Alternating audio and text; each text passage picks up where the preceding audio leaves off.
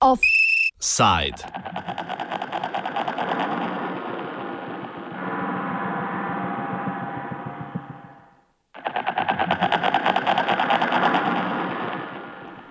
Internetni neutralnosti naproti.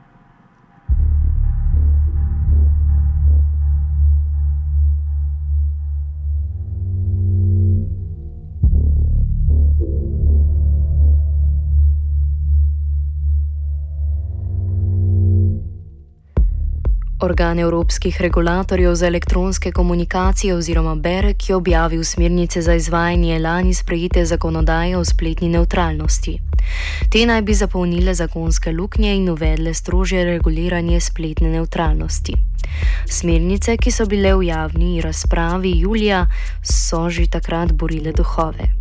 20 največjih telekomunikacijskih korporacij je namreč izdalo manifest z grožnjo, da ne bodo uvedle tehnologije 5G oziroma nove generacije mobilnih omrežij v Evropi v primeru, da se smernic ne omili.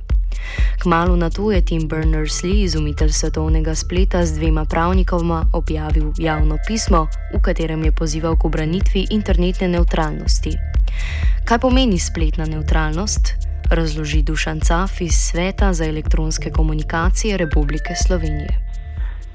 Ja, spletna neutralnost je neko načelo, po katerem imajo končni uporabniki prek storitve dostopa do interneta, pravico do dostopa do informacij in vsebin, njihovega razširjanja, do uporabe in zagotavljanja aplikacij in storitev, in po katerem lahko uporabljajo terminalsko opremo po lastni izbiri, ne glede na svojo lokacijo ali lokacijo ponudnika storitve, oziroma lokacijo, izvor ali cilj informacije, vsebine, aplikacije in storitve.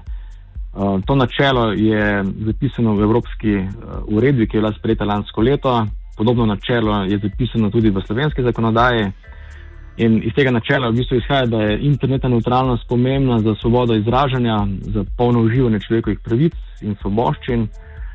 Posamezniki moramo imeti možnost svobodnega, neomejenega komuniciranja, inoviranja, da smo lahko dejavno udeleženi v informacijski družbi, da nismo zgolj potrošniki. To velja tudi za podjetja. Majhna podjetja morajo imeti enake možnosti in zagonska podjetja kot večja pri dostopanju na trg, na, na digitalni trg. Kaj smernice prinašajo, piše CAF.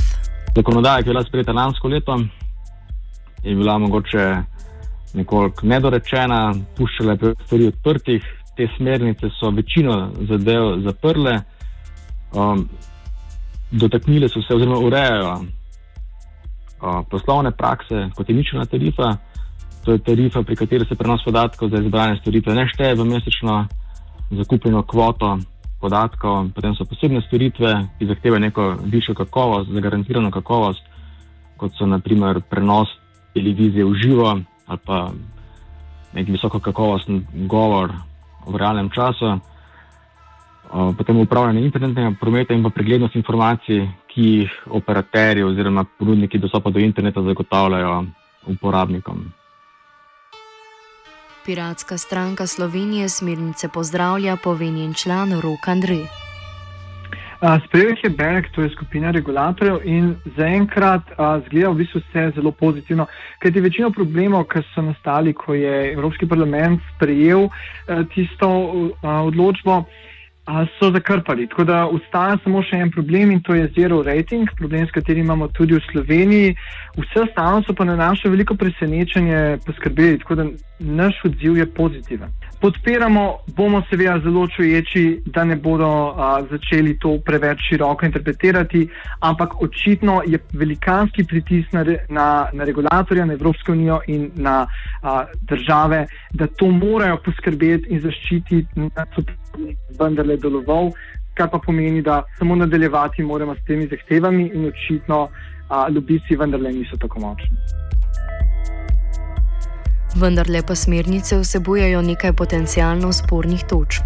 Najprej omenimo, da bodo regulatorji v vsaki državi smernice lahko izvajali po svoje. Kakšni bodo rezultati, še ne moremo vedeti, opozori CAF. Vedeti moramo, da izvajali bodo smernice nacionalni regulatori, kar pomeni, da bo praksa v resnici različna v vseh državah članicah. Regulatori bodo lahko um, te smernice po svoje razlagali, po svoje interpretirali, lahko tudi ne bodo izvajali smernic. Tako da, kaj bodo prinesle v resnici smernice, bomo lahko presojali šele po nekem času od uh, uveljavitve. Najverjetneje pa šele prihodnje leto, do konca junija, ko bodo morali regulatori poslati poročilo poročila BERE, kot je Evropski organ regulatorjev elektronskih komunikacij, ki tudi te smernice pripravijo. Še zmeraj v smernicah ostajajo hitre proge za specializirane storitve in tako imenovana ničelna tarifa. CAF predstavi grožnjo. Leč, zdaj, v bistvu pri ničelni tarifi, pa pri posebnih storitvah, bodo regulatori odločali na osnovi um, vsakega primera posebej. Sre, če bo šlo za neko domnevno kršitev, ali če bo nekdo prijavil to kršitev, bodo regulatori lahko uh, ukrepali, a ne pregledali, ali je to sporna praksa, glede na stanje trga v posamezni nacionalni državi, članici. Um, in, in potem pač odločili, ali gre za kršitev ali ne. Zdaj, pri posebnih storitvah je tako, ne, da, da ni problem ne, zdaj, uh, pri nekih takih zadevah, kot sem jih omenil, uh, kot so video v živo oziroma prenos recimo, televizijskega programa v živo ali pa nek uh, govor v realnem času ne, ali pa medicinske storitve, kjer seveda gre za neke zelo specifične uh, izjeme. Uh, te se tudi najpogosteje uporabljajo, te, te lahko, se lahko uporabljajo ne, kot uh, posebne storitve. Problem tukaj pa je ta, ne, da verjetno bo neka težnja med uh, operaterji in ponudniki dostopa do interneta, da bodo v to kategorijo uvrščali tudi uh, tiste storitve, ki pa v resnici si ne zaslužijo statusa teh posebnih storitev ne, in se lahko čisto normalno gledajo preko uh, interneta.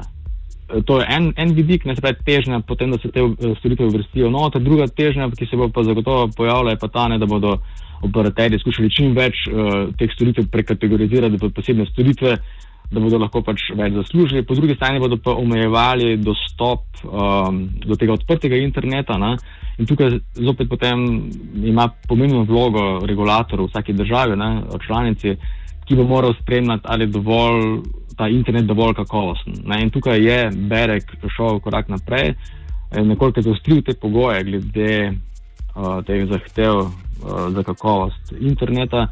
In seveda, uh, če bodo ti kriteriji izpolnjeni, uh, minimalni, ne, uh, potem bo vse v redu, če pa ne, pa seveda ne bo. Ne. Tako da zadeve ostajajo še um, odprte in nevladne organizacije, razne, razni strokovnjaki in ostali se bomo še naprej morali prizadevati za to, da bo internet ostal v resnici neutralen. Vendar se Andreju hitrejše specializirane storitve ne zdijo problematične. Te izjeme so še vedno noter.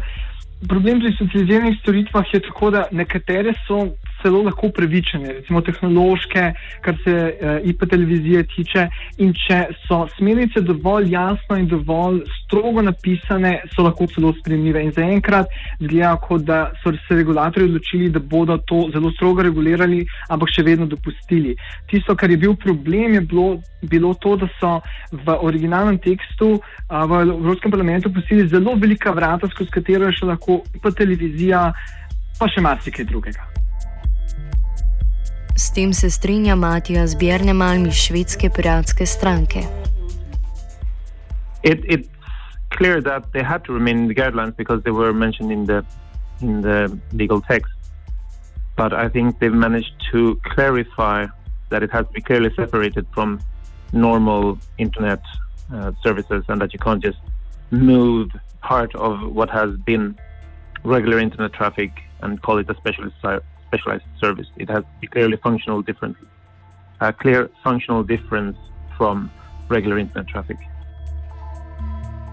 Ničelno tarifo oziroma zero rating, o kateri je bilo govora, predstavi Andrej.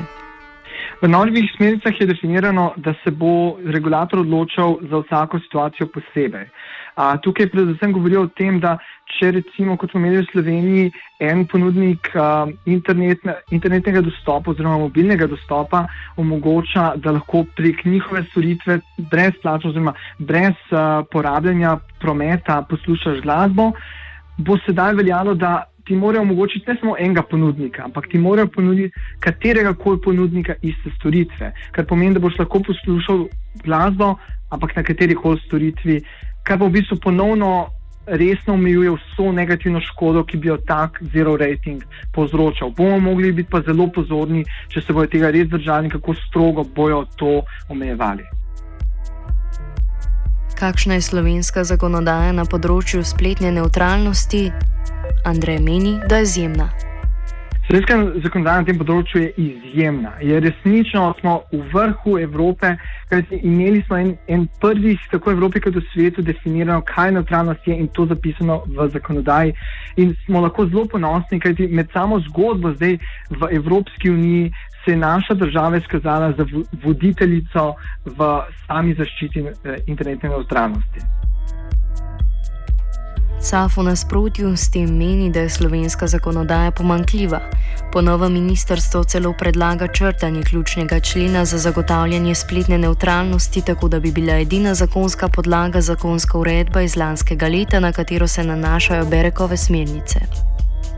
Ja, zdaj je Slovenija bila kot druga država članica EU, ki je uvedla v zakonodajo določbe o neutralnosti interneta. Za te določbe, kot se je pokazalo v primeru uh, Akosovih odločb, ki so padle na sodišču, uh, niso bile dovolj natančne.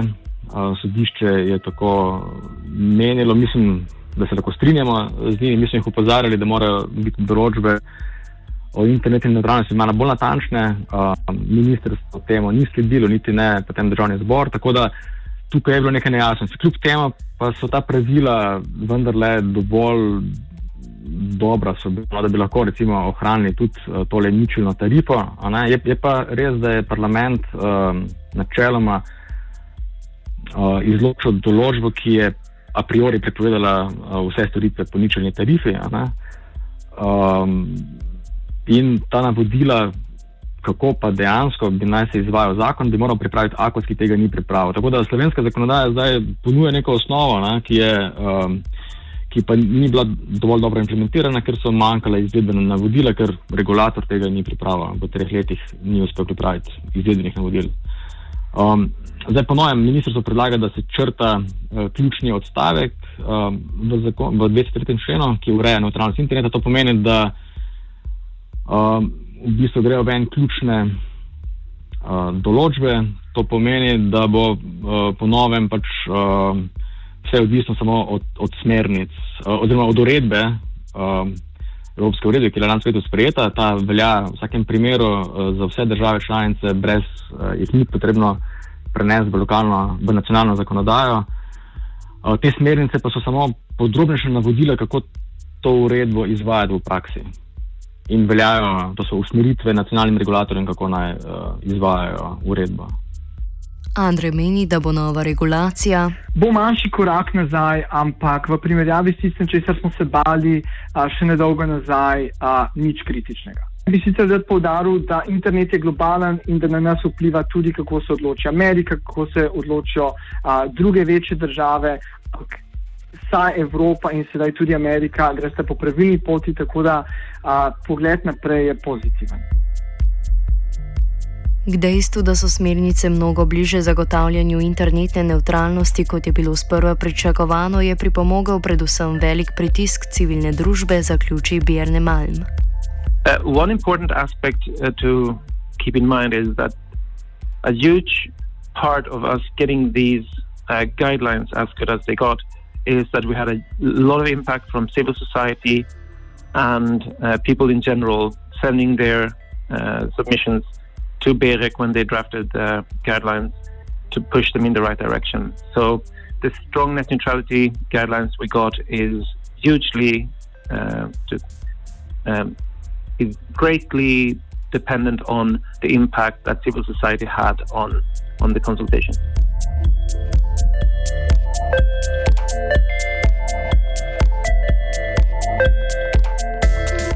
Offside je pripravila Zala.